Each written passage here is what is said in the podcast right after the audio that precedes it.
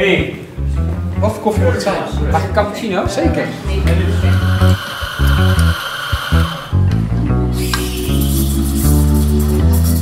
Het lijkt zo simpel. Er ligt een parcours en je moet zo snel mogelijk naar de finish. Maar is dat ook zo simpel? En het is in mijn ogen de eerlijkste vorm van wielrennen die je kunt bedenken. Tijdrijden, daar heb ik het over. De strijd tegen de klok liegt niet. Geen goede dag wordt meteen afgestraft. En ik wil weten hoe dat voelt. En dit is ook iemand om in de gaten te houden. Uit Maastricht. Ooit dus in de opleidingsploeg van Rabobank gereden. En richtte zich daarna op zijn studie en zijn eigen koffiezaak. En eigenlijk is hij door de coronacrisis weer begonnen met fietsen. Hij ging fietsen en hij ging hard fietsen en harder en harder en harder. En won het kwalificatiemoment.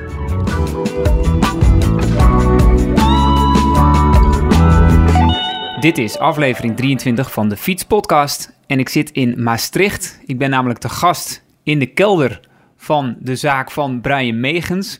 Brian is koffieondernemer en tijdrijder. Brian, welkom. Ja, klopt. Ja. Eh, ja, bedankt dat ik hier, hier mag zijn. Even naar het begin. Is tijdrijden zo simpel als ik het zeg? Je hebt een parcours en je moet gewoon zo snel mogelijk naar de finish en dus heel hard trappen? Ja, het kan heel simpel zijn als je je dag hebt. Eh, maar het is absoluut, er komt heel veel bij kijken. Absoluut. Dus het is, het is eh, verre van simpel. Nou ja, daar wil ik het dus heel graag met je over gaan hebben. Uh, ik weet natuurlijk zelf ook een klein beetje wat tijdrijden is. Niet omdat ik het zelf doe, maar omdat uh, mijn vriendin Ellen uh, het, het voor haar beroep graag doet. Um, eerst even, hè, want we zitten nu vlak voor het WK tijdrijden. Um, daar gaat Ellen bijvoorbeeld ook aan meedoen. Um, kijk je daar ook met bijzondere interesse naar? Niet, uh, niet, niet, naar de vrouwen bedoel ik dan specifiek, maar nee, gewoon maar, überhaupt nou, naar... Ja, absoluut. Als ik, uh, het is alleen natuurlijk een, nu een hele drukke tijd voor ons met de zaak, omdat we ook gaan verhuizen. Maar uh, als ik de, ja, ik probeer er echt wel tijd voor te maken. Ook omdat ik, ook, ook in de grote rondes probeer ik altijd de tijdritten wel, wel te, te kijken. Gewoon om... Ja, waar, waar, let je dan op? Ja, houding. Heel veel aan de houding. hoe is de positie op de fiets? ja, en dat, daar sta ik er soms wel versteld van hoe sommige wildtoerrenners op de fiets zitten. Want? Ja, er zitten er gewoon een aantal bij, op de helft bijna van het peloton, dat bijna ja, als een windzeil op de fiets zit. Terwijl, uh, ja, dan kun je gewoon zien dat die jongens gewoon uh, of zelf niet eens een tijdritfiets hebben, uh, of daar gewoon helemaal geen aandacht aan geven. En verbaas je dat dan? Ja, ik vind dat wel, ja, vind ik wel vrij bizar. ook omdat ik weet dat er een aantal jongens zijn die toch voor de grote rondes in de klassementen rijden. niet in de absolute top, maar wel in de subtop. En die daar gewoon helemaal geen aandacht aan geven. Terwijl dat een hele makkelijke tijdswinst voor ze zou zijn. Ze hoeven geen uh, tijdritten te gaan winnen. Maar je kunt daardoor wel een halve minuut tot een minuut pakken. Ja, je had bijvoorbeeld uh, Romain Bardet, die dan tweede werd in de Tour achter Froome. En als je die op zijn tijdritfiets zag, zag ja. dacht je, nou, dit is een beginner. Ja, ja, absoluut. En zo heb je er echt wel nog, uh, ja, ik durf wel te zeggen, bijna de helft van de klassementsrenners... Uh, die dan bij de ja, iets conservatievere ploegen rijden, uh, om het heel netjes te zeggen, die vaak daar helemaal geen aandacht aan geven. Laten we even beginnen met jou, want je bent nog niet zo heel lang fanatiek tijdrijder, toch? Hoe, nee. is, dat, hoe, is, hoe is dat ontstaan? Nee, ja, eigenlijk, ik was vroeger een klimmer. Uh, toen bij, uh, pas op mijn achttiende begonnen met fietsen. Binnen twee jaar ging ik uh, opgepikt door Piels. Een hele goede uh, ja, semi-prof ploeg. Het jaar erop mocht ik bij Rabo onder 23. Als klimmer. Hele goede testen met wattage per kilo. Ging daar toen een beetje mis. Overtraind, crashen, Rabo stopte. Ik dacht, jongens, bekijk het. En ik uh, ben gestopt. En gaan studeren in Maastricht aan de Unie. Zo hier gekomen. En toen kwamen we eigenlijk door corona als, als ondernemer en topsporter wereld een doel hebben. En uh, toen, dat miste ik, want door corona moesten de zaken dicht. Toen ging ik met mijn maatje Kier Place, dat is ook de um, redacteur bij Soigneur, fietsen. Daar fiets ik veel mee. En toen kwam een beetje van, ja, wat kan ik nu doen? En toen, ik was heel benieuwd, wat zou ik nou kunnen in, een, in, een, uh, in de tijdrit, omdat ik anders fysiek ben. Ik ben veel zwaarder, veel meer spiermassa. Um, ja, daar, zo is de ontdekkingsreis begonnen. Ja. Ja, dit, dit is in vogelvlucht. Laten we nog even... Want ja. die Rabobankploeg, dat vind ik ook heel interessant. Ja. Want uh, je was gewoon beloftevol wielrenner. Ik heb het even opgeschreven. Je hebt gefietst in de ploeg met Dylan van Baarle... met Danny van Poppel, met Moreno Hofland. Dat zijn ja. nu allemaal... Oscar Riesebeek ook, die gaat naar Succesvolle profs. Ja, bij uh, Tusveld, ik denk Sabel. Uh, volgens mij, ik heb het een keer nagekeken... heeft ja, volgens mij 80% van die jongens... die hebben wel eh, een stap omhoog gezet. In ieder geval Pro Tour en bijna allemaal World Tour. En heel veel jongens rijden nog in, in het World Tour peloton. Dus dat is, ja, heb ik ook af en toe nog wel contact mee. Dat is wel, ja, dat is wel hoe, leuk. Hoe was het om in zo'n ploeg te rijden? Ja, heel kloten.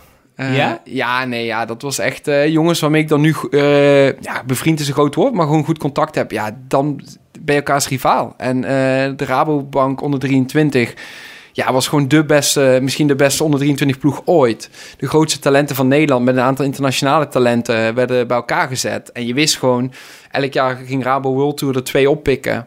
En een aantal andere jongens konden naar andere ploegen. Dus het was ja, echt gewoon uh, survival of the fittest. Dat, uh, onderling was dat ook nooit zo heel... Uh, ja, was absoluut niet dat je zegt één, één team, hoebe, hoebe, hop, wij zijn grote vrienden. Maar nee. ja... Hoe, hoe was dat voor jou? Ja, ik ben daar toen wel een beetje verzopen. Uh, kijk, ik, ik kom helemaal niet uit een wielerfamilie. Ik besloot net voor mijn 18e verjaardag een fiets te kopen. Begon met fietsen en uh, dat ging me vrij goed af. Ja. Opgepikt ja, door Piels. Uh, daar reed ik heel goed in internationale etappekoersen. Won ik hier wat klassiekers in Nederland, in Limburg, solo. Opgepikt door Rabobank. Daar zet, je, ja, zet ik toen nog een test neer. Even kijken, 5,75 watt per kilo omslagpunt, 6,67 max. En dat is zo'n beroemde stappentest. Dat was top 15 ooit met de profs. Ja, was beter dan ja, Mollema. Dit, dit, gaat heel snel, deze waardes. Maar dit, Ja. we kunnen, de luisteraar kan hierop vertrouwen dat het echt heel goed is. Ja, het was beter Echt, dan. Mollema, Dumoulin en Rowan Dennis tot, to- eh, tot dan hadden neergezet. Eh. Vergelijkbaar met Kruiswijk. eh, Er toen. wordt dit dus even een foto gemaakt.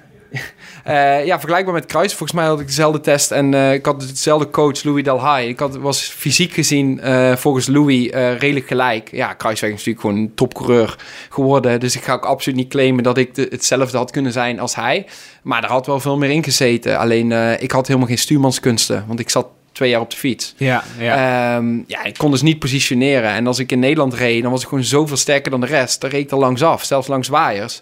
Ja, dan kom je tegen Koffiedies en zo te rijden. Eh Moncoutier, toen nog eh, Ja. wel bekend. ja, ja, ja, als, die aanging, ja, als die aanging en je zat 100 meter te ver van achter, dan eh, was het klaar, zeg maar. Ehm, dus daar ging ik gewoon, gewoon aan, aan, aan, ten onder. Was die droom van, om, om profrenner te worden intussen wel gaan leven bij je? Ja, ja, ja. Zeker als je zo'n test neerzet en je wordt door de ploegleiding ook ja, beschouwd als een van de jongens die over moet. eh, die over kan gaan. Ja. Ja, dan denk je wel van, ja, hey, dit, eh, ja, dit, dit moet wel eh, kunnen lukken. Maar ja, achteraf, als ik het nu zie, ehm, had ik gewoon veel te weinig eh stuurmanskunst, ervaring. Ik werd veel te licht. Dus mijn, op een gegeven moment was mijn... ik herstelde niet meer. Eh, dus ja, ik heb gewoon zoveel fouten gemaakt. Was dat, was dat eigenlijk, want dat is nu ook weer een, eh, steeds vaker een hot topic, hè, dat gewicht. Was, Ja. dat, was dat iets wat je bewust deed of, of wat jou gewoon niet lukte om genoeg bij te eten?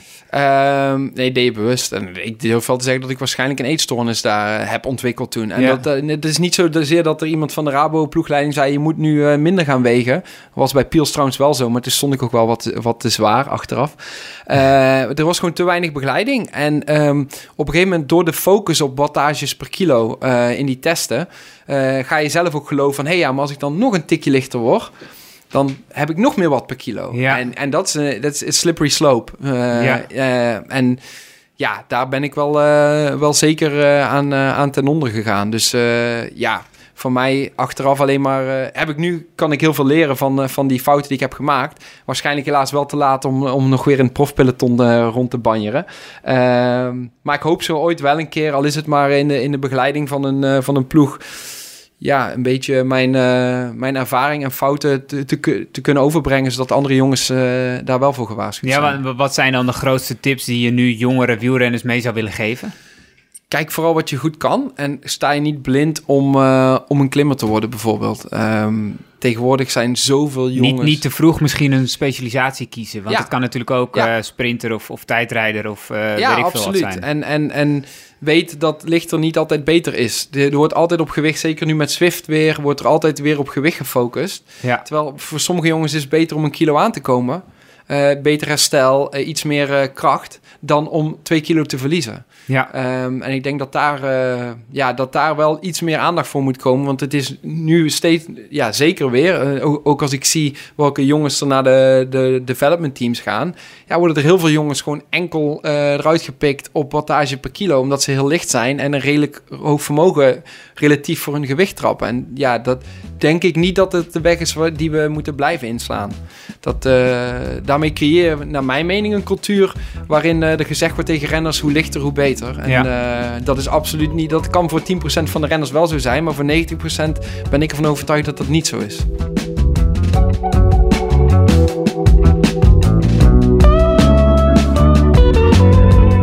Laten we dan even gaan naar de renner die je nu bent. Eh, Ja. En die je nog niet zo heel erg lang bent. Je bent in de tussentijd gaan studeren dus. Ja. Eh, en uiteindelijk heb je het idee gehad om fixed gear koffie op te zetten. Hoe is dat idee ontstaan?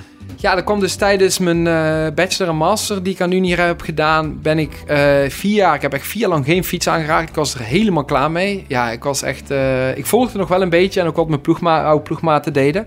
Maar ja, ik eh, ben elke dag naar de fitness gegaan, krachttraining gaan doen. Dus binnen, binnen een mum van tijd woog ik van 63 halve kilo naar 85 kilo. Heerlijk. Ja, dus gewoon... eh, en natuurlijk wel een hoger vetpercentage, maar vooral spiermassa. En toen ben ik eh, eigenlijk een beetje weer verliefd geworden op de fiets. Dat was door fixkeer, vast verzet. Die wedstrijden, die criteriumcultuur die er is. Ehm, en dat heb ik eh, ja, eigenlijk iets wat me totaal als renner niet zou moeten liggen. Want het is heel explosief en heel technisch. Ben ik gaan doen. En doodeng, En ja, ja, op zich. vind ik. Ja, maar ik- als voor iemand die geen stuurmanskunst Ja. heeft, zeg je. Ja, ja, want ik herinner me nog eh, tijdens het Rabobank eh, kennisma kennismakingstrainingskamp in oktober of november was dat, gingen we naar de baan. En toen weet ik nog dat, dat ik dat absoluut niet durfde, eigenlijk. En dat ik dus met Daan Olivier en Mark Goos en Marco... eh, eh, ja, dan ben ik ze... oh, die is nog bij Wand, die heeft hij nog heel goed gereden trouwens. Eh, Minnaert. Minnaert, ja, tuurlijk. Ja, de Zeeuw. Eh, hele aardige jongen trouwens. Die eh, zijn, mij, zijn mij het bos ingedoken. Zijn we gaan veldrijden.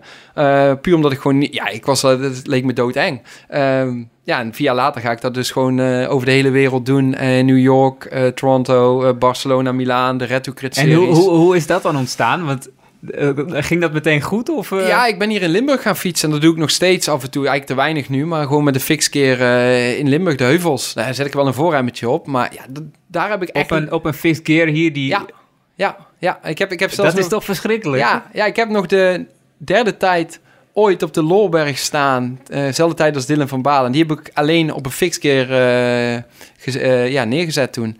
Dus het kan wel. Je kunt heel hard omhoog als je maar, als je maar gewoon blijft malen, zeg maar. eh, blijft trappen. Eh, maar daar heb ik leren sturen. Dus Ja. ik, ik durf te zeggen dat ik nu beter stuur dan, dan, dan meer dan de helft van het World Tour peloton. Eh, daar, ja, je moet echt één worden met, met zo'n fiets. Wil je die, want je gaat gewoon in een red to crit met bijna 60 per uur. Ga je kachel je op een haarspelbocht af. En ja, fix je, hebt geen remmen, een doortrapper. Ja, ja, ja. En dan, dan moet je dat ding maar onder controle krijgen om hem door die haarspeld heen te sturen.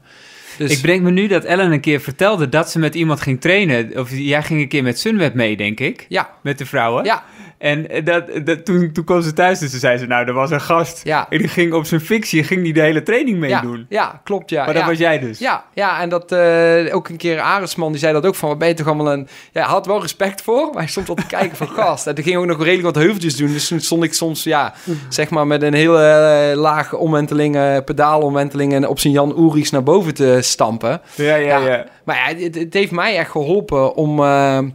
ja, onbehendig te worden op de fiets. Dus, dus dat, dat is het verhaal. Zo ben ik bij Fixkeer Koffie ook gekomen... omdat ik eh, in aanraking kwam over de hele wereld met specialty koffie. Ja. Eh, en ik eigenlijk vond dat er een, ja, daar was echt wel ruimte voor, zeker in Limburg. Ehm, en tijdens het afstuderen van mijn eh, master plan geschreven en eigenlijk al geopend aan de voet van de Kouberg. Want ook helaas ging de fixgear scene een beetje dood. Eh, als in Red to Crit, de hele grote, de Champions, echt super mooie race series Mhm. hield ermee op omdat Rockstar Games eh, stopte met de sponsoring. Eh, dus zo, ja, wat kan ik er nu mee gaan doen? Ja, wat kan ik nu verder gaan doen? Na het studeren moet je toch een beetje serieus gaan worden over het leven. Dus ja, fixkeer koffie begonnen. En zo, ja, zo, zo kwam dat. En nu heb je zelfs twee zaken. Maar Ja. anderhalf jaar geleden brak natuurlijk de, de coronacrisis uit. Ja. En dus lag het leven voor jou ook ineens stil. Ja, ja, dat was heel heftig. Omdat we, ik weet nog, op 8 februari 2020 hadden we de opening van onze Maastricht-locatie. En eh, ja, toen hadden we nog gewoon 500 man binnen die dag. En zes weken later moet je, niet eens zes weken, vijf weken later, 16 maart of zo, iets staat me daarvan bij, de, moet je je tent sluiten. Ja, heftig. Want ook, uh, weet je, ik heb, we hebben alles gewoon, uh, we hebben geen uh, grote investeerder achter ons staan. We doen alles zelf een beetje. En ik heb helaas ook geen dikke World contracten gehad. Dus het is allemaal, ja, weet je, je schraapt alles bijeen en je probeert van niet iets heel tofs te maken. Wat ook misschien de charme is van het hele concept. Maar ja, dan ja, dat was niet ingecalculeerd dat je dicht moest door corona. Dus dat was heel heftig, ja. ja daar zijn we gelukkig, omdat we zo'n toffe community hebben, best wel, uh, ja, zijn we gewoon wel goed doorheen gekomen. Want die hebben je gesteund ja, daarin? vanaf het op, uh, ja, webshop-orders uh, kwamen binnenstromen. En in ieder geval genoeg om zo redelijk wat vaste lasten te te dekken. Um, ja, uiteindelijk word je er absoluut niet beter van, want uh, ja, je bent er heel blij dat je gewoon de kosten redelijk kostendekkend kan zijn. Ja. En uh, we hebben ook nog het geluk dat we gewoon in studenten, ja, dat we voor een redelijk lage huur nog zitten. Dus dat je, dat je zelf ook heel weinig nodig hebt. Maar uh, ja, dat was heel erg schrik. En ja, wat ik, wat ik net zei, je miste op een gegeven moment vooral een doel. Uh, want Victor was heel hard aan het groeien en daar ben je dan mee bezig. En dat is echt super tof. En dan ineens zijn allebei de zaken dicht. Dan is het eerste wat je doet, is uh, proberen te overleven. En op het moment dat je ziet dat dat, dat wel ja, gaat als in dat je, dat je in ieder geval uh, waarschijnlijk niet de deur hoeft te sluiten de volgende maand, ga je op een gegeven moment weer verder kijken en is die drang daarna, wat kunnen we nu wel doen? En ja, daar was het tijdritproject geboren.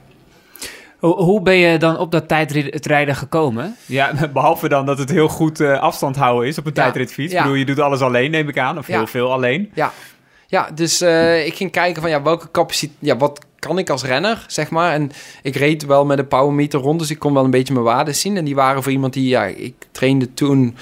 Ja, na 2018 stopte ik dus weer met die fixgekrits omdat ik de zaak wil oprichten. Ik heb een keer gekeken, gemiddeld zat ik zes uur per week op de fiets, dus dat is ook niet heel veel. Maar ik had nog best wel redelijke wattages. En we, ook wat kan er nog georganiseerd worden in, uh, in, in 2021, daar waar we over aan het nadenken in 2020. Uh, en toen dacht ik, ja, als er iets door kan gaan, dan zou het wel tijdrijden moeten zijn. Uh, en daar zijn we begonnen. Dus wij hebben de, wat merken ben ik gaan aanschrijven, waarmee ik al contact had. Ehm, Maarten van Kooi via, van Cycling Lab. ja, die gecontacteerd. Dat is de, de trainer. Ja. Um, en uh, Spico, dat zijn uh, jongens uit Eindhoven, die hebben ook het beroemde Jan Willem van Schip uh, breakaway stuurtje gemaakt. die doen ook de aero-begeleiding. Ja, en zo zijn we eigenlijk gewoon begonnen. Daar wil ik het dus heel graag over gaan hebben. Wat er, wat er allemaal bij komt kijken. Ja. Um, je, je, je vraagt Maarten, Maarten Kooi van... Ja. Uh, ik, ik wil graag uh, hiermee beginnen. Nou, dan gaat hij je denk ik advies geven over hoe je fysiek daarvoor moet trainen. Of hoe gaat dat? Ja, we zijn eerst een test gaan doen. Zo'n stappentest. En daar kwam eigenlijk al uit dat ik ja, die, hun, zijn, hun doen voor SEC, alle renners van SEC, uh, van de ploeg, zowel als management, of in ieder geval een gedeelte. Uh, dus ze hebben echt wel redelijk wat, ja, een hele grote database. Uh, ze hebben Thomas Dekker toen ook begeleid voor zijn wereldurenkoolpoging, ja. Dion Beukenboom. Ja, dan kwam naar voren dat ik eigenlijk gewoon al in het hogere segment zat, met eigenlijk geen training en meer dan ja, een fulltime baan. Um, dus die waren wel heel, ja, gelijk wel enthousiast van hier zit wel wat in. en zo zijn we dus inderdaad gewoon gaan trainen om weer eerst gewoon ook wel wat duurtrainingen gaan doen, om gewoon ja, weer, weer wielrenner te worden. Uh, ik ben uiteindelijk eh, 6 kilo kwijt. En dat was echt, we hebben daar geen voedingsplan voor geschreven. We zijn ook niet uh, nooit van, ik ga niet eten tijdens de rit. Maar dat ging was gewoon... Was je dat intussen kwijt trouwens? Dat wat je bij die opleidingsploeg van Rabobank of bij Piels misschien een beetje had opgelopen, dat de focus ja. zo op eten lag. Was ja. je dat nu kwijt? Ja, ja, ja, absoluut. Kijk, toen vroeger werd er, moest ik klimmer zijn ja, dus had ik met de beste renners omhoog moeten. Uh, die hoop van klimmer uh, heb ik uh, inmiddels wel heel lang achter me gelaten. Ja, maar dus... ik kan me voorstellen dat omdat je weer zo fanatiek aan het trainen bent... Ja. dat je dan ook denkt van ik wil alles goed doen en mijn ja. voeding ook goed doen... en dat je dan in een soort oud patroon terechtkomt. Uh, nee, ja, gelukkig niet. Het is vooral wel, ik wilde wel wat kilo's kwijt... omdat ik gewoon door heel veel bovenlichaam krachttraining... had ik gewoon heel veel extra spiermassa op mijn bovenlichaam zitten... wat je als fietser niet nodig hebt... Maar ik ben mezelf absoluut niet, niet gaan uithongeren. We hadden eh, zowel Maarten zei dat ook altijd liever dat je uiteindelijk nog twee kilo boven je streefgewicht komt, maar dat je gewoon die kracht hebt. Uh, en uiteindelijk gaat door die duurritten gaat er wel vanzelf wat af. En dat is ook gebeurd. Nu zit ja. ik op 73, 74 kilo. Ideale gewicht zou 71 zijn. Maar ja, dat, dat komt vanzelf door trainen. Als het niet is voor, ja, voor tijdrijden, zeker in Nederland, maakt dat ook niet zo heel veel uit. Vond je het ook uh, meteen leuk om je te gaan focussen op tijdrijden? Want je, je was dus klimmer, uh, ja. daarna fixed gear gedaan. Ja. Ook een best spectaculaire ja. discipline. En tijdrijden kan ook best saai zijn, denk ik. Ja, ja zeker. Ehm, maar ja, er was toen niks anders mogelijk. En ik ben wel iemand... Ja, ik, ik vind het gewoon heel tof om te kijken wat zit erin en, en daar alles proberen uit te halen. En zeker als je dan blijkt dat je nog redelijke aanleg hebt, dan, uh, ja, dan vind ik dat, dat, dat, daar kik ik op, zeg maar. Ik, ik, zeg altijd, als ik vroeger heel goed geweest was in tennis, dan was ik waarschijnlijk een tennisspeler geworden. En ik vind fietsen helemaal geweldig en ik zal altijd blijven fietsen. En fietsen is iets speciaals. Maar voor mij dat nu ik nog kan, nu ik nog een leeftijd heb dat ik fysiek dingen kan bereiken, wil ik gewoon ja, eruit halen wat, uh, wat erin zit, zeg maar. En je, eh, als ik het zo hoor, je was ook al best wel bezig met bijvoorbeeld uh, wattages en met, met de data. Uh, ja, ik heb toen voor die Red to Crits natuurlijk wel... Ik heb nooit een trainer in de arm genomen of zo, maar ik heb daar wel ik wist wel wat mijn waardes ongeveer waren. En daar zijn we toen nog een, eh, een stapje verder mee gegaan. Dus ik wist wel, ja, ook de tijden zie je die hier uh, op Strava rijdt, zeg maar, in de Limburgse heuvels. Ja, als je ziet dat je daar gewoon voorin meedoet, wil natuurlijk niet zeggen dat je net zo goed bent als al die andere jongens om je heen, maar dat je in ieder geval wel uh, power hebt. Ja. Dus, dus dat, dat wisten we. Het was alleen de grote vraag. Uh, zit je aero of niet? Want dat is heel veel jongens kunnen zijn sterk en kunnen wattage trappen. Alleen de grootste truc is tijdens tijdrijden om wattage te, vermogen te leveren terwijl je aero zit. Want dat, dat is uiteindelijk snelheid. We gaan over die houding en over wat er allemaal te winnen valt. gaan we het zo nog even hebben. Maar wat, wat um, wat waren nou fysiek de punten waar je op moest verbeteren nog? Want het is een, het is een, ja, een maximaal een uur, denk ik ongeveer. Ja, En dat moet je heel goed kunnen. Dus een hele specifieke vorm. Ja, dus ik moest vooral werken aan uh, meer duur uh, en uh, blokken over langere periodes. Ik was dus door het de fix keer was ik heel goed geworden in alles tot vijf minuten. Uh, en ook, uh, ik ben van nature niet explosief. Dus ja, alles tot 30 seconden was bij mij nooit bijster goed. Maar mijn 1 minuut waarde was, ja, was heel, dat was toen mijn sterkste punt. En dat moesten we wel een beetje om gaan buigen naar uh, een, een hogere 20 minuten en 40 minuten waarde. Ja. En hoe train je dat dan? Hoe heb jij dat getraind? Ja, duurtrainingen doen en uh, afgewisseld met blokken. En blokken die uh, verschillende blokken, dat kunnen 5 minuten, 10 minuten blokken zijn, maar ook 20 minuten blokken.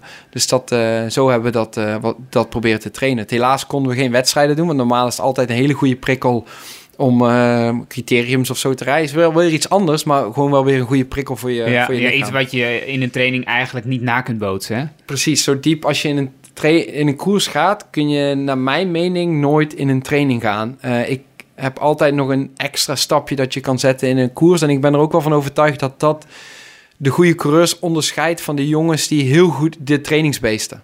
Ja. ja. Ook, ook is, geldt dat ook voor een tijdrijder? Want ik zou zeggen, in een tijdrit rij je alleen. Ja. Uh, dat, dat lijkt heel veel op een training. Behalve dan dat het op die ene dag voor het echtje is en op de trainingsdag niet. Ja, nee, ja, echt compleet anders. Uh, de adrenaline die je hebt tijdens een tijdrit. Je, je, je mentaal, ik denk vooral, je bent mentaal voorbereid om heel veel pijn te gaan lijden. En als je, dat, als je die voorbereiding hebt, kun je die pijn lijden. En als je gaat trainen, kun je wel afzien.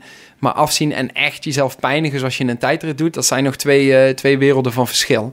Um, dus uh, je, je komt wel echt in de buurt. Maar zo, wat mijn ervaring is, is dat je nooit zo diep kan gaan uh, als het je doet tijdens een, een, een tijdrit voor het echi, zeg maar.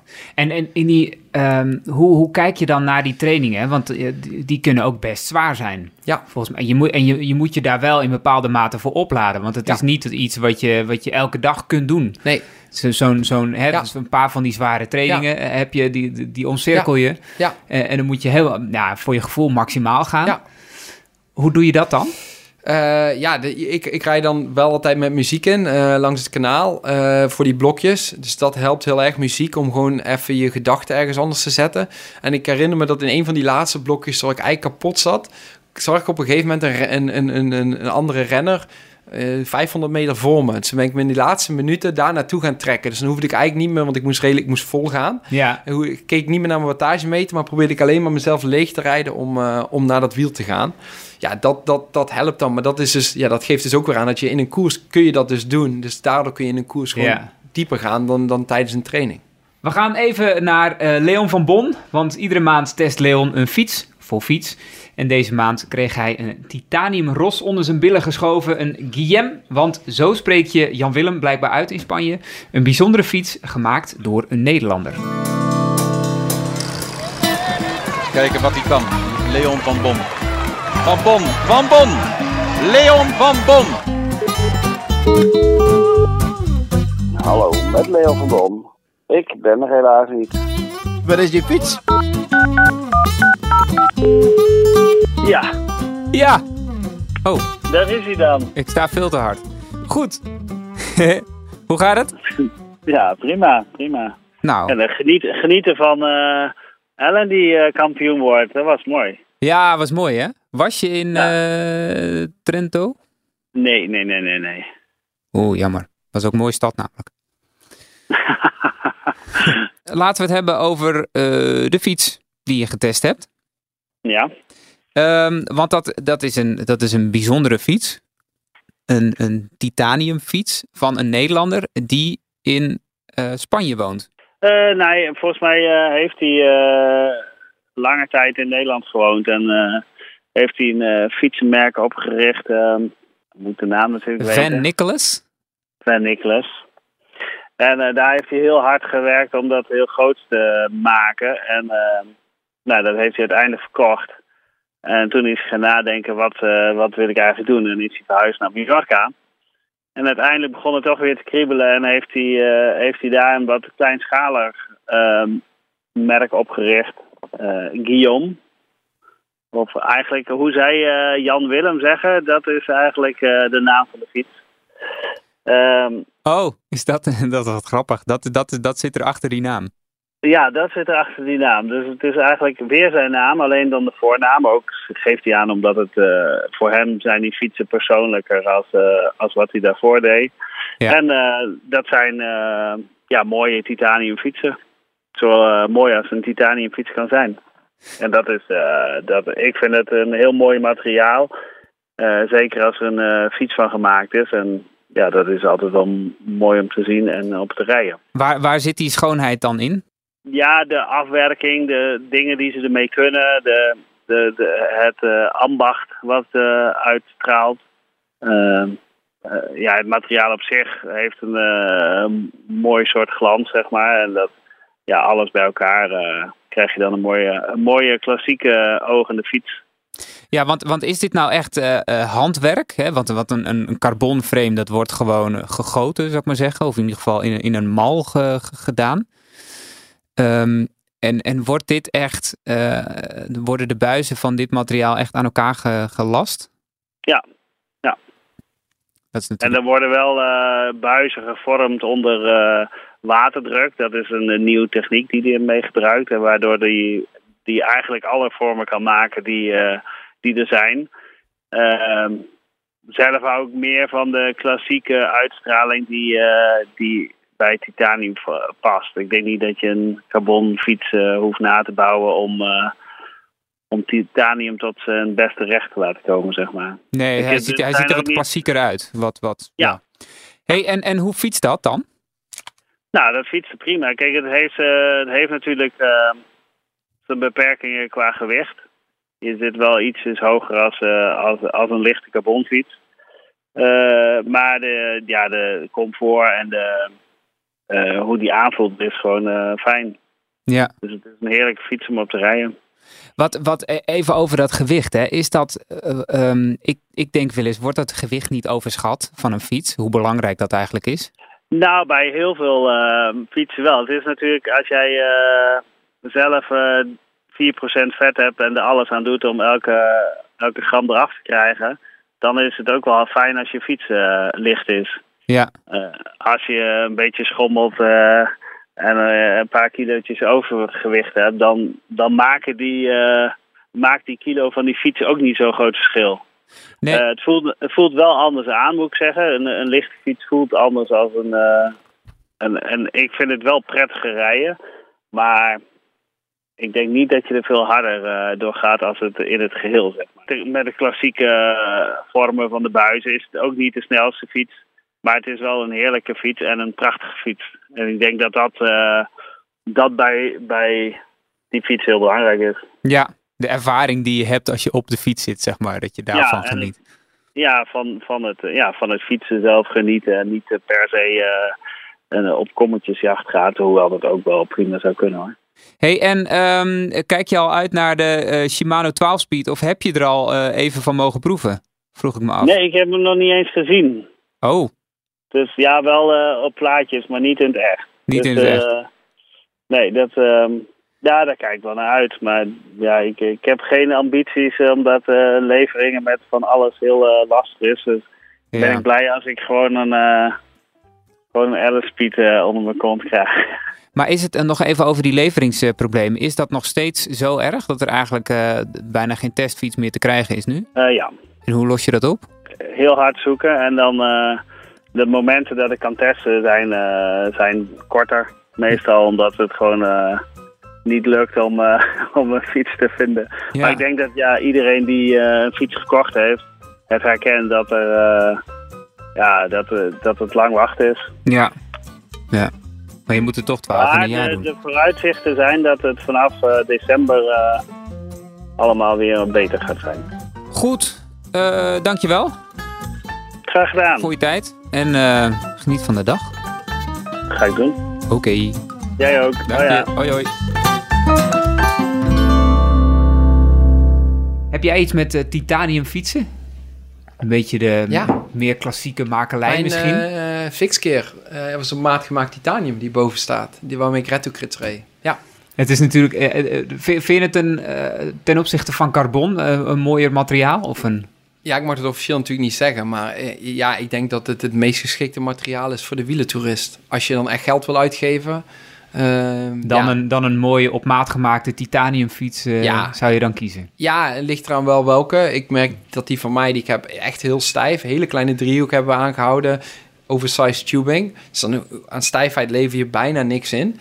Ehm, Het is iets zwaarder, denk ik, dan carbon. Ja, iets zwaarder. ehm, maar ja, ik, ik, ik, ik stel me altijd de vraag... Hey, hebben, de, hebben de wielentoeristen nou dezelfde fietsen nodig als de profs? Want het wordt zo anders gebruikt, de fiets. Nou, als wielertoerist kan ik hier antwoord op geven. En ik denk dat dat absoluut niet het geval is, Nee. inderdaad. Wij, hebben, wij, wij hebben niet iets nodig wat, wat eh, gemaakt is voor profs. Maar dat willen veel wielertoeristen natuurlijk Ja. wel. Die Ja, willen gewoon op de fiets van ja. eh Bauke Mollema en Tom Dumoulin fietsen. Ja, en dat, dat snap ik ook. En heel terecht. Het is gewoon heel... Ik denk dat heel veel mensen gewoon één keer een fiets willen hebben gehad. Dezelfde als hun grote idool.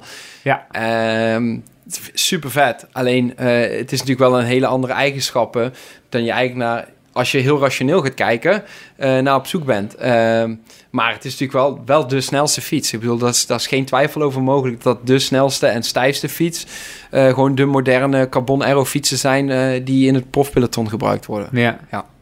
We gaan door op materiaal, want eh, je kunt dan wel lekker gaan trainen voor, eh, voor dat tijdrijden. Maar je wil natuurlijk, eh, je gaf het al even aan, ook de snelste houding op de snelste fiets. Ja.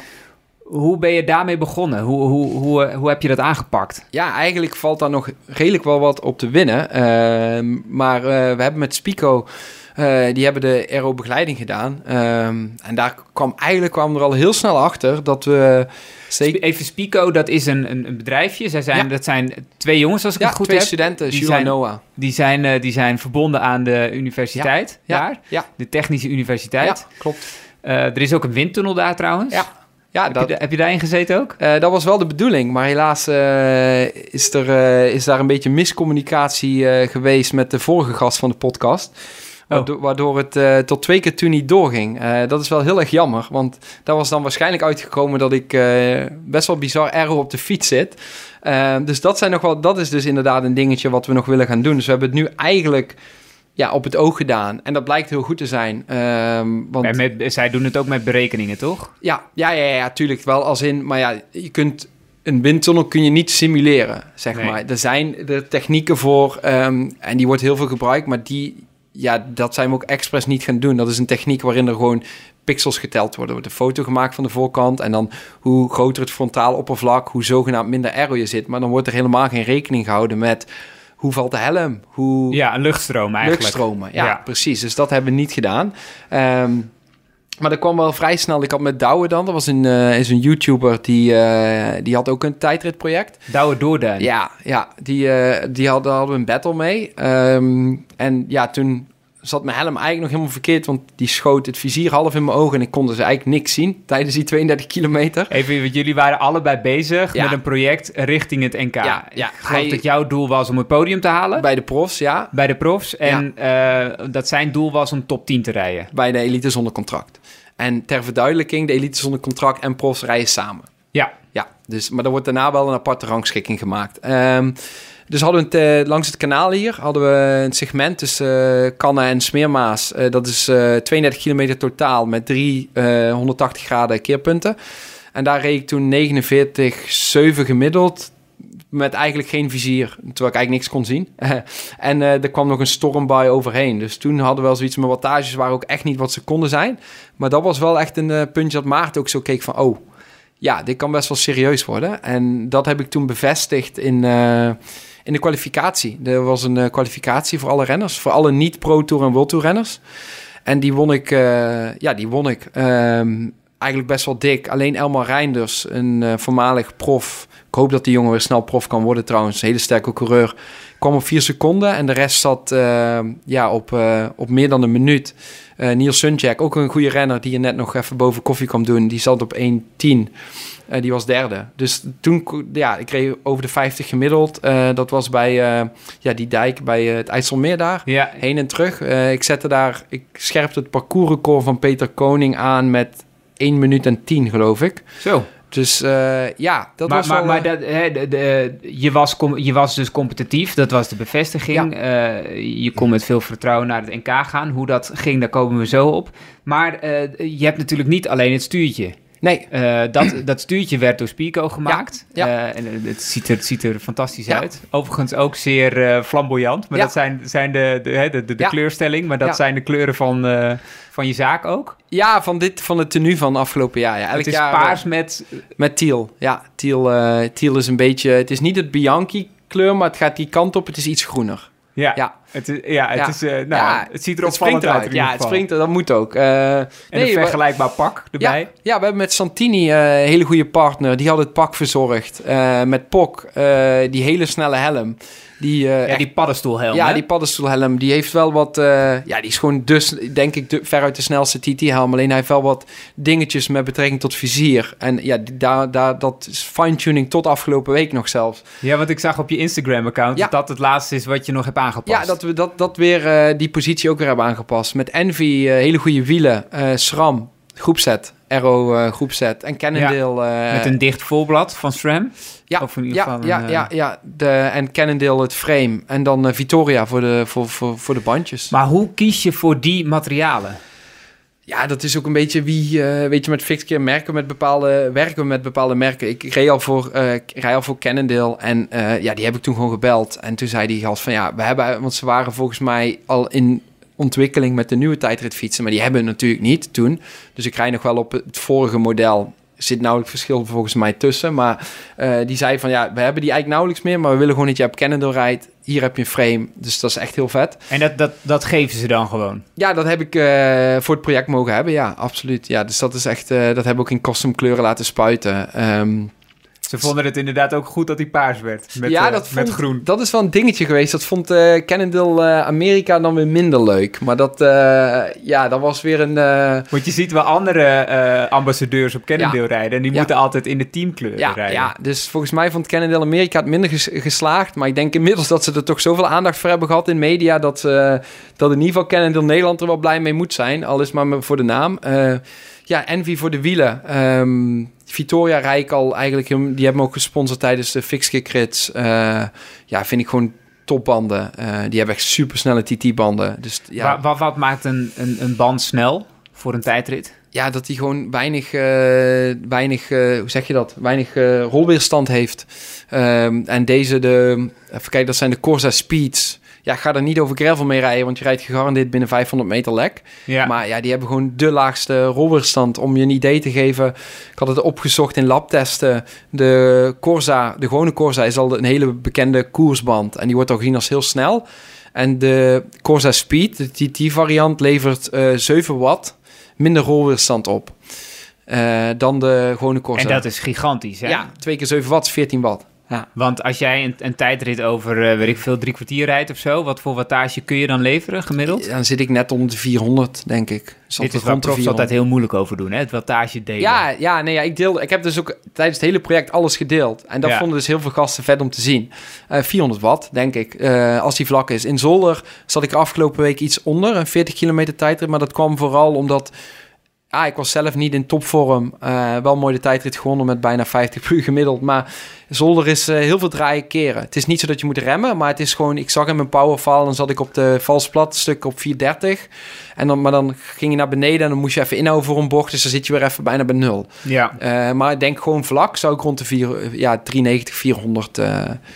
Dat is, dat, is, dat is goed, maar ik heb en. Maar dan moet je je voorstellen dat je dus 7 of 8 watt, eh, want dat is dan 5%. Ja. Nou, probeer dat maar eens bij te trainen. Nee, dat, ja, is, precies. dat is lastig. Ja, absoluut. Ja, dus het materiaal is... En we kunnen nog wel wat... Uh, er zijn nog wel wat trucjes die we voor volgend jaar... Uh, gaan doen. Ja, want uh, maak je daar echt een hele studie van? Hoe, hoe doe je dat?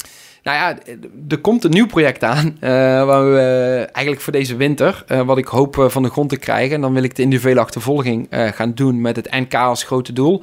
En als ik daar echt heel goed ben, er misschien verder op doorgaan. En dan... De achtervolging op de baan? Ja, ja individuele achtervolging, ja. eigenlijk ben ik, zijn mijn waarden staan nog meer geschikt voor dan tijdrijden. Um, en dan wil ik gewoon kijken of ik daar goed in ben, ja of nee. Kan goed zijn van niet. We weten in ieder geval van het tijdritproject dat ik heel aero zit. Mijn drie tot vijf minuten waarde is eigenlijk veruit mijn beste waarde.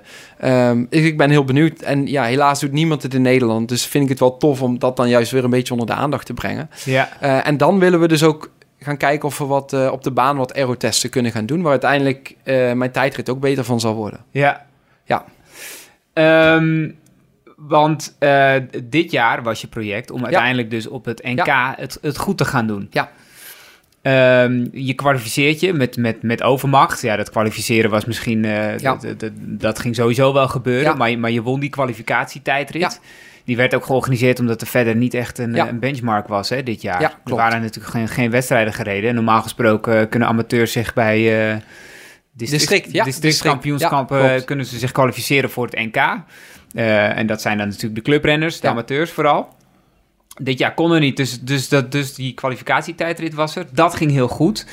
Hoe heb je toen toegeleefd naar het NK? Ja, dat was wel heel, uh, heel vet. Want ik, toen zag ik de startlijst en ik dacht wel van ja, ze zullen me wel in het laatste blokje zetten. Maar ik had niet verwacht dat ik met start nummer drie uh, mocht. Ik dus, had... dus er stonden er nog twee achter je? Ja, Langeveld en uh, Tom Dumoulin. Ja, dus uh, daar stond de barista dan. ja, dat was wel een dingetje. Dat was wel ehm, ja, misschien heb ik mezelf daar achteraf wel een beetje te, te veel druk op gelegd. Maar uiteindelijk ging, ging eigenlijk een beetje alles mis wat op die dag mis kon gaan. Maar, maar in die, even over die druk, want ja. wat, wat legde je jezelf op dan? Nou ja, jezelf als in, er komt heel veel media-aandacht, wat ook heel tof is. Uh, en ja, op, ik had het, uiteindelijk, als ik het heel cru bekijk, pas twee tijdritten gereden, waarvan eentje een, een, een battle was met een YouTuber. Uh, dus zoveel ervaring had ik nou ook weer niet in tijdrijden op dat moment. Nee. Uh, en vroeger bij Rabo en Piels heb ik tijdritten gereden. Maar dan zat ik, uh, werd ik, uh, die fiets werd op de dag van de tijdrit op, onder mijn reet geschoven. En ik zat daar achter ze voor ongeveer op als een windzeil. En ik had één doel niet laatste worden als klimmertje zonder veel kracht. Ja. Um, dus, dus, dus het was allemaal ook nieuw. Um, en, en daarin is zo'n tijdrit, neem ik aan, ook echt een heel andere wedstrijd dan een koers. Ja, Qua ja. voorbereiding. Ja, ja, zeker. Je, je probeert... Qua mentale voorbereiding. Qua mentale voorbereiding, absoluut. Uh, ook trainingsvoorbereiding. Je bent natuurlijk wel meer die blokjes aan het doen. En ik, ik leek echt... Ik was ook gewoon echt heel goed in vorm. Ik durf wat... Ja, het beste wat ik tot nog toe vorm had sinds, uh, sinds we het project zijn begonnen. De waarde, het ging allemaal super makkelijk. Dus ik had ook gewoon heel veel vertrouwen. En het podium was gewoon heel realistisch. Kijk hoe... Tom Dumoulin Ray, ja, dat, dat, is gewoon in Nederland geen... Uh, ja, is, maar dan heb je het ook over de nummer 2 van de ja, Spelen. Ja, dat is dus gewoon, is gewoon niet, een absolute uh, klasse apart. Nee, nee, dat is een klasse... Maar ook Langeveld, hoe die Ray was gewoon op die dag een klasse apart. Die zich ook volledig had voorbereid op het NK. Ja, dat wist ik dus niet toen. Uh, maar nee. uh, ja... Uh, maar dat hoef je ook niet te weten misschien, want nee. ja, wat heb je eraan? Nee, ja, precies, klopt. maar de derde plek, daar had ik tussen plek 3 en 8. Dan had je een blokje met Schelling, uh, Koen Bouwman die dan derde werd... Uh, Elmar Reinders, uh, Julius van den Berg. Daar Ja. had ik mezelf tussen moeten rijden. Dan kun je derde worden of dan kun je zevende worden. Ja. Uh, maar de test, bedoel ik... Ja, ik Maar, maar had, je, had je van tevoren zulke hoge verwachtingen ook? Eh, Legde je jezelf op van ik, ik moet eigenlijk eh, tussen die jongens staan? Nee, nee. Ja, als in, het zit erin. Als alles mee zat, dan uh, zat dat er zeker in. En dat blijkt ook achteraf. Alleen, uh, ja, op die dag zelf, uh, het weer heb je niet, niet in de hand. Het bleek ineens echt een over magnetronachtige omstandigheden ja, te zijn. Het was, met, het was drukkend warm, hè? Het ja, was echt, heel raar. ja. ja, en daar hadden we ook gewoon, eh, daar hebben we allemaal ook, eh, ja, het hele team en, en ik voorop natuurlijk, hebben daar gewoon heel veel fouten in gemaakt. Te vroeg daar zijn. Eh, dus we stonden daar vier uur voor de, vijf uur voor de start.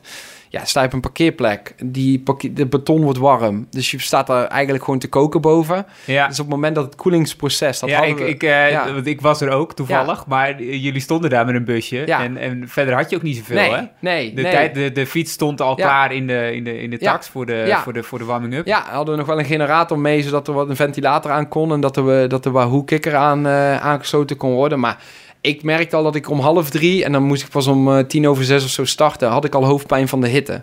Ja, dan, dan ben je dus al te laat, zeg maar. Ja. Dan sta je eigenlijk al Ja. 18-0 achter. Ja, maar waarom, wa- hoe kon, waarom was je daar al zo ver voor de start? Ja, we hadden eigenlijk gewoon... Ik denk, die warmte kwam toch... kwam niet als een verrassing op papier, want het was al allemaal aangegeven. Alleen de dagen daarvoor was het gewoon 22 graden. Het was dan toch... Heb je, er, heb je het onderschat? Ja, Ja. ja. dat, dat- daar komt het op neer. Ik had gewoon een ander hotel moeten boeken. Een hotel dat wel airco had. En daar, net zoals Tom Dumoulin, eh tot vijf uur eh, op mijn kamer moeten blijven. Met airco aan. Ja, Eh, met een koelvestje aan naar de, naar de, naar de, naar de, naar de tijdrit gaan. Daar op je tijdritfiets stappen en gaan. Dat was achteraf gezien veruit de beste. ja. Maar ja, dat is achteraf. Dus het is gewoon on- onervarenheid Ja. eigenlijk. Je, je leert van dat Ja. soort momenten. ja, ik kwam ook echt voor gewoon, gewoon... ge- Ik had gewoon pap in de benen die dag. Door die over, mijn lichaam was gewoon oververhit. Dus het laatste wat mijn lichaam wilde doen... was een extreme inspanning. Ja, Dus eh, ja, ik viel ook gewoon letterlijk bijna flauw naar de finish. Want je wil dan toch, omdat dat het hoogtepunt van het project van vorig jaar... in ieder geval of van dit jaar was... ja. wil je alles geven. Dus je rijdt jezelf echt... Terwijl je het eigenlijk helemaal niet moet doen... rij je jezelf gewoon letterlijk bijna gewoon val je flauw op de fiets. Ehm, en eh, ja, het is ook een van de zwaarste... Het is heel raar, maar die tijdrit finishen... was een van de zwaarste dingen die ik ooit op de fiets heb gedaan. En dat klinkt heel gek, want je denkt... die tijdrit kun je toch altijd finishen? Maar je, ik was gewoon zo leeg... Ik kon ook helemaal bijna niet meer aanzetten. Ik merkte, Langeveld kwam me op iets meer dan een ronde kwam die me voorbij. Het waren twee rondes. Maar qua topsnelheid had hij nou, was hij nauwelijks sneller dan ik. Alleen ik in de bochten, een bochttechniek was gewoon allemaal prima. Alleen hij had gewoon die kracht om aan te zetten naar een bocht. En binnen 50 meter weer op snelheid te zijn. ja. Omdat ik gewoon absoluut nul... Wat in een tijdrit. Het- Er zaten ook best wat bochten in. 11 in die- bochten. Ja, Ja, ik vond het eh, 11 of zelfs 14. Een van de, nee, 11 bochten op 14 kilometer. Ja, het was eh, nergens echt een langs rechtstuk ik eh, vond het- rechtdoor. Ik vond het een vrij waardeloos tijdritparcours. En ik hoop toch dat de Emmen volgend jaar dat toch een beetje... eh, ja, een Ik tijdrit... vrees dat het hetzelfde wordt, ongeveer. Ja, ze gaan nu door het centrum heen. Dus dat belooft, Oh. eh, belooft nog meer bochten. Maar ik hoop, Echt? Ik hoop toch dat ze gewoon ergens ja, meer een vierkantje gaan maken. En het, hoeft voor mij ook, ook niet dat er alleen een keerpunt zit en terug. Alleen ik vond ja, dit niet per se een tijdritparcours. En hoe, hoe zat het die dag met je zenuwen? Hoe beleef je dat? Ja, Als je pas om zes uur moet starten, Ja. je wordt wakker en je, en je denkt, dit- is een Ja. beetje ook het, hè, de, de, de, de, het, het klapstuk van het project. Ja. Hoe voelt dat dan? Ja, ik had natuurlijk eh belabberd geslapen, ook al door de hitte. Eh, maar ja, zenuwachtig. Ik, mer- ik dat pas natuurlijk achteraf. Maar ja, de hele staf zei van ja, je stond echt stijf van de zenuwen, schijnbaar. En redelijk gestrest. Terwijl ik dat normaal helemaal niet heb. Om Nee, want je komt nu over als een hele flamboyante, eh, joviale jongen, zeg Ja, maar. Het is, en, het is, eh, je en- bent en- helemaal niet... Ja, hoe ik normaal tijdrit... Ja, en hoe ik normaal tijdrit inga is letterlijk... Ik warm eigenlijk nooit op. Ik spring op de tijdritfiets en ga. En dat eh, had ik ook bij de kwalificatie. Ben ik één keer op en neer gereden eh, op het parcours. Je hebt geen warming-up. Nee, normaal eigenlijk nooit, nee. Nee? Nee, dat, kan, ja, dat mag ik eigenlijk niet zeggen van mijn trainer, want die is daar helemaal op tegen. Maar ja, ik, Dat snap ik wel, ja. ja, ik doe... Want, want alle ja, ehm, kennis over Ja. fysiologie zegt een goede warming-up en die hartslag al redelijk richting het punt brengen waar je het de hele tijd op wil houden. ja, Dat, dat is heel goed. ja. Ja, ja, ik trek, trek één keer of twee keer een sprintje, that's it. Eh, maar ik had, ik had ook een keer een tijd dit gereden, regende het. En zat iedereen op de rollers. En ik had zoiets, ja jongens, het regent. Ben ik gewoon in mijn vrije tijdskleren een beetje muziek gaan luisteren. Eh, op de fiets gestapt. En ik zette toen een parcoursrecord neer voor een, ja, was een eh, tijdrit in Limburg ergens. Dus eh, voor mij werkt dat schijnbaar. Ja, maar de trainer zou zeggen, ja, maar als je warming-up, een goede Ja. warming-up doet, kun je nog beter. Ja, Het gaat er natuurlijk niet om, ja, het is Ja. knap, het- je, hebt, je, je bent heel goed inderdaad. Maar als je, Ja, ik, ik, denk, ik, ik denk wel dat, dat als het gewoon normaal... Maar toen een warming-up op die dag, zie ik achteraf... heb ik mezelf daar nog meer overkookt dan, eh, dan, eh, dan als ik dat niet had gedaan. Ehm, ik denk, ben er wel van overtuigd als het 18 graden is... Weer is gewoon goed buiten.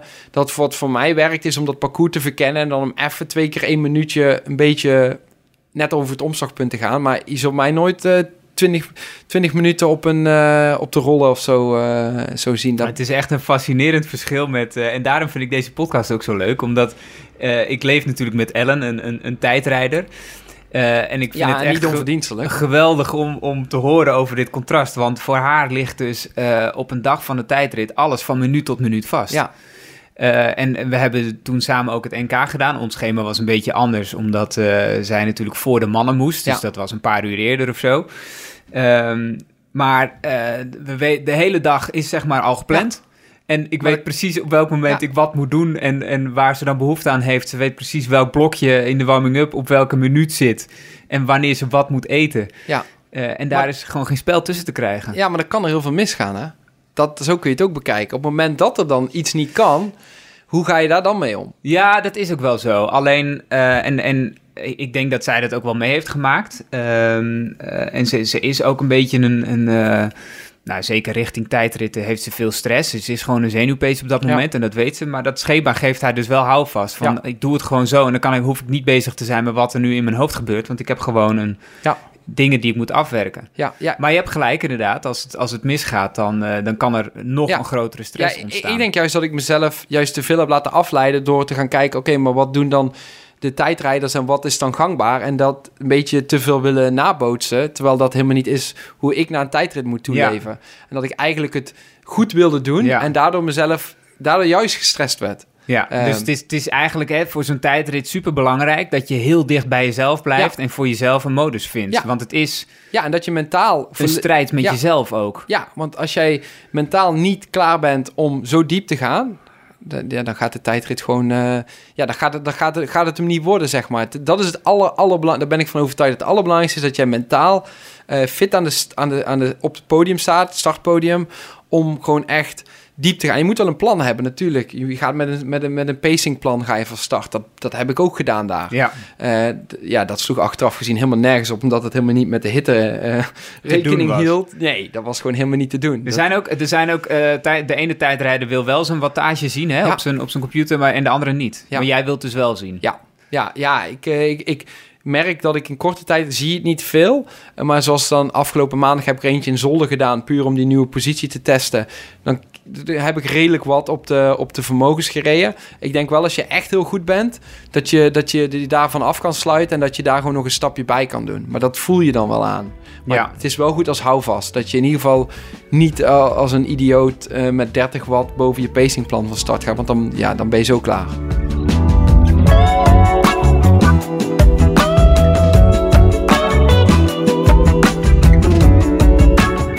Tijdens de tijdrit heb je iemand in je oor, toch? Je hebt, je, je hebt Ja. coaching. Ja, Wat wil jij horen tijdens een tijdrit? Ja, ligt eraan. Ik bedoel, NK was voor mij ook de eerste keer dat ik zo'n eh, zo'n oortje in had. En eh, ja, ik voelde dat de benen gewoon na de eerste bocht al van, dit wordt hem niet. En schijnbaar ging ik toch wel redelijk rap van start. Want ik liep 10 seconden in over de eerste twee kilometer op Elmar Reinders. En dat hoorde ik. En toen had ik gezegd, ja, maar dat kan helemaal niet, want ik, ik sta stil, zeg maar. ja, ja. Eh, ja, daarna, je wilde eigenlijk vooral horen ehm, het, over het parcours van... hey, eh, let op bocht hier of probeer je positie misschien wat te veranderen. Ehm, maar je, je wil eigenlijk niet te veel horen van, van anderen. Je wil vooral, je- uiteindelijk is tijdrijden, jij wil zo snel mogelijk van A naar B... of in ieder geval dat parcours afleggen. En uiteindelijk zie je dan wel of je dan sneller bent dan de rest of niet. Eh, dat werkt in ieder geval voor mij. Ja, en het, het snel het parcours afleggen, het, eh, daarvoor moet je ook echt kunnen vertrouwen op die radio. Hè? Want je moet bijvoorbeeld binnenkant van de bocht nemen. Ja. Of eh, je wil je hoofd naar beneden houden. Ja. Dus je kunt ook niet altijd even ver vooruit kijken. Ja. Dus je moet ook vertrouwen op dat er nog geen bocht aankomt bijvoorbeeld. Of dat Ja. je nog op de goede kant van de weg zit. Ja. En dat moeten ze je allemaal vertellen in dat oortje. Ja, klopt. En dat ligt er ook aan hoe je positie is. Kijk, ik had mijn positie toen op het NK... die was echt wel een stukje minder goed dan die nu is. eh, was dat ik wel naar voren keek. Ik heb nu de positie van mijn helm iets aangepast... waardoor ik eigenlijk een stukje meer naar beneden kijk. Meer ontspanning in mijn nek. En nog steeds af en toe naar voren kan kijken. Dus nu zal het inderdaad... Toen eh, kon ik zelf alles zien. Nu zal ik eh, bij de volgende tijdritten... er meer van uit moeten gaan eh, van wat er achter me gezegd wordt. Ja. Van, hey, er komt een bocht aan of dit of dat. Ja. Ehm, en op zolder heb ik dat dus getest. En daar ging dat eigenlijk prima. Dan had ik geen oortje. Moest ik zelf de bochten zien aankomen. Dat was wel... eh, ja, dat, dat, dat was wel, eh, wel, wel top. Maar het is zeker goed om af en toe tips over je positie te krijgen. Want je gaat zo diep dat je lichaam eigenlijk wil je zoveel mogelijk lucht naar binnen persen in je lichaam. Om naar je spieren Waardoor je ook anders gaat zitten Ja, natuurlijk. waardoor je dus iets meer omhoog gaat zitten. Dus daarom is het heel goed om af en toe in je oortje te krijgen, laag zitten. En, want dat, dat, dat ga je onbewust doen. Dus dat Ja. is eh, ja, absoluut om die feedback te krijgen. Hoeveelste werd je uiteindelijk op het NK?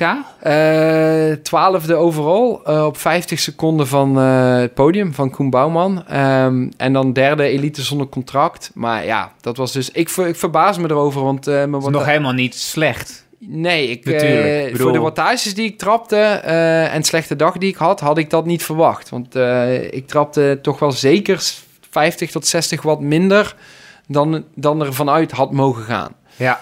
Dus eh, ja, dat, die, die prestatie, ja, dat ben ik niet heel... eh heel ik kreeg heel veel berichten. Oh, 12 is supergoed. En ik had zoiets van, nee, ja, rot op klinkt misschien ook wel heel, Ja, ja, heel ja. cru, maar voor mezelf. Zo van, nee, dit is bij lange na niet wat ik kan. Ehm, ja, en daarom, dat, dat wil ik wel gaan verbeteren. De podium, kijk, eh, dan ga ik niet zeggen dat dat erin moet zitten, maar het, het, het is zeker mogelijk. En daar wil ik dan wel voor, eh, voor gaan, absoluut.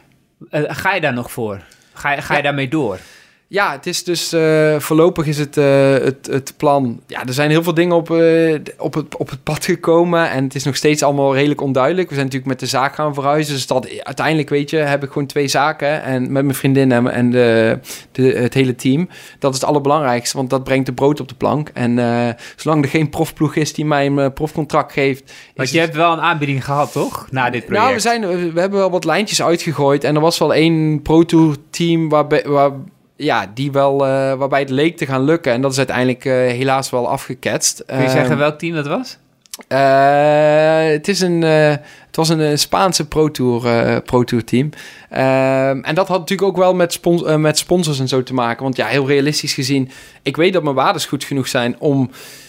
Ik ga absoluut geen Tour de France winnen, maar om voor kleinere ploegjes, Ja. ook kleinere World Tour ploegjes, gewoon je werk te doen.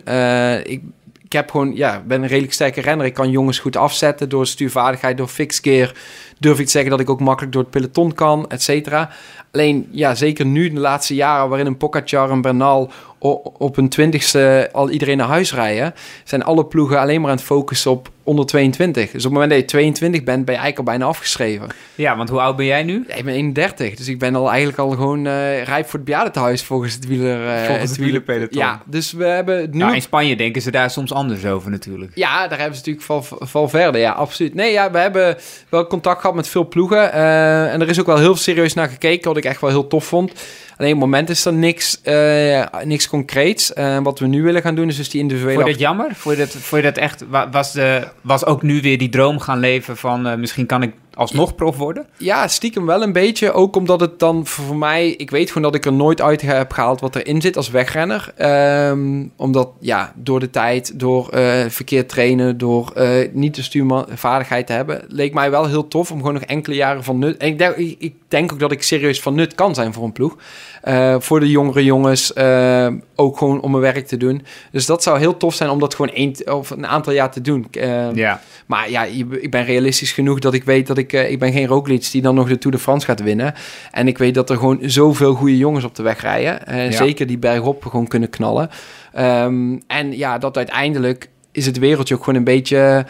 Ja, je moet een rennersmakelaar hebben en die moet jou naar voren willen schuiven in zijn netwerk. Eh, en een renners, voor een rennersmakelaar is het gewoon veel interessanter om een jongen van 21 over te brengen. Want die rekent, oh ja, die kan misschien nog 15 jaar prof zijn. Dus daar kunnen we 15 jaar lang een x-percentage van, eh, van aan verdienen. Ja. Eh, en om mij over te brengen, ja, dat, als dat al zou gebeuren, zou dat natuurlijk voor minimumloon zijn van Pro Tour of World Tour. Ja, daar gaat, gaat een eh, rennersmakelaar vrij weinig aan, eh, aan verdienen. Dus commercieel is dat ook niet, eh, niet heel interessant. Terwijl de storytelling natuurlijk wel heel vet zou zijn. Maar ja, dat... Ja, want ik zat te denken, Cannondale, Ja. hoe heten ze nu? Education First. Ja. Die, die zijn hier ook wel van, hè, van dit soort verhalen. Ja, ja, absoluut. Misschien als ik, eh als ik volgend jaar gravel zou doen en ik rijd iedereen naar huis, dat ik een aanbieding krijg. Want dat heeft Colin Strickland namelijk ook gehad. Die won eh, Unbound, toen nog Dirty Kansas, waar die twee IF-renners naar huis reden. En die kreeg toen een aanbieding, die die wel heeft afgewezen trouwens. Maar nee, ja, voorlopig, eh, ik wil heel graag kijken wat ik op de individuele achtervolging kan. Ik denk dat het een onderdeel is dat Ja, want wat, eh, hoe ziet de toekomst eruit qua fietsen? Wat ga je doen? Eh, ik ben nu proberen om dat van de grond te krijgen, maar dat is dus heel lastig. Want baan, baan fietsen, dat is allemaal moeilijker te krijgen. Ik zou het liefst kijken wat zit erin op de individuele achtervolging. En dat zou ook weer heel mooi aansluiten bij tijdrijden. Omdat het uiteindelijk ook gewoon aerodynamisch is. Uh, achtervolging natuurlijk iets korter. Het zou mijn fysiek iets meer nog moeten liggen.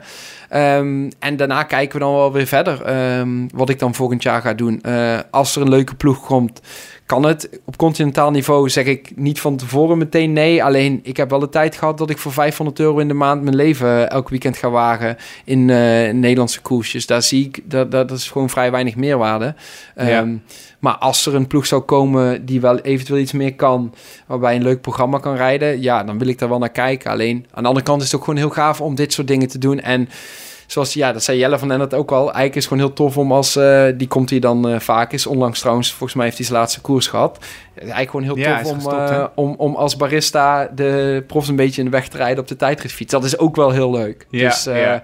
Ik, dus tijdens het komende NK in Emmen sta je er weer dat is wel absoluut, uh, absoluut de bedoeling. En dan nog, ja, toch wel iets sneller dan ik af. Uh, ja, toch wel een stuk sterker en sneller dan ik afgelopen jaar was. Het Nederlands team heeft trouwens uh, één plekje over op het WK. Ja. Dat is toch ja, ook wat? Ja, ja, Dat ja. ze gewoon niemand kunnen vinden om die tweede plek in te vullen. Ja, ja, ik, had graag, ik was graag gegaan. Maar er zijn wel meer jongens hoor. Die, die, volgens mij hebben ze er genoeg renners. Uh, Elmar Reiners kan goed tijdrijden. Ja, Ide Schelling, hele talentvolle coureur. Maar die is nu een beetje... Heeft Julius van den Berg, die reed natuurlijk ook op het EK. Julius van den Berg. Uh, dan heb je... Um, natuurlijk Koen Bouwman, uh, wat ook geen slechte tijd. Er zijn echt wel... Uh, ja, ga niet meedoen om de eerste 15? Nee, maar... Um, Nee, maar ja, dat is toch een geweldige ervaring. Ik bedoel, er rijden ja. er sowieso 15 rond die weten dat ze in de onderste 15 ja. terechtkomen. Ja, nee, ja, absoluut. Dus de, de, de, het is ook niet dat ze niemand kunnen vinden. Het is meer, uh, ja, denk niet dat ze iemand willen sturen. Raar. Ja. Goed. Dankjewel. Ja, merci. Voor deze podcast. Dit was de Fiets Podcast. Bedankt voor het luisteren en uh, tot de volgende.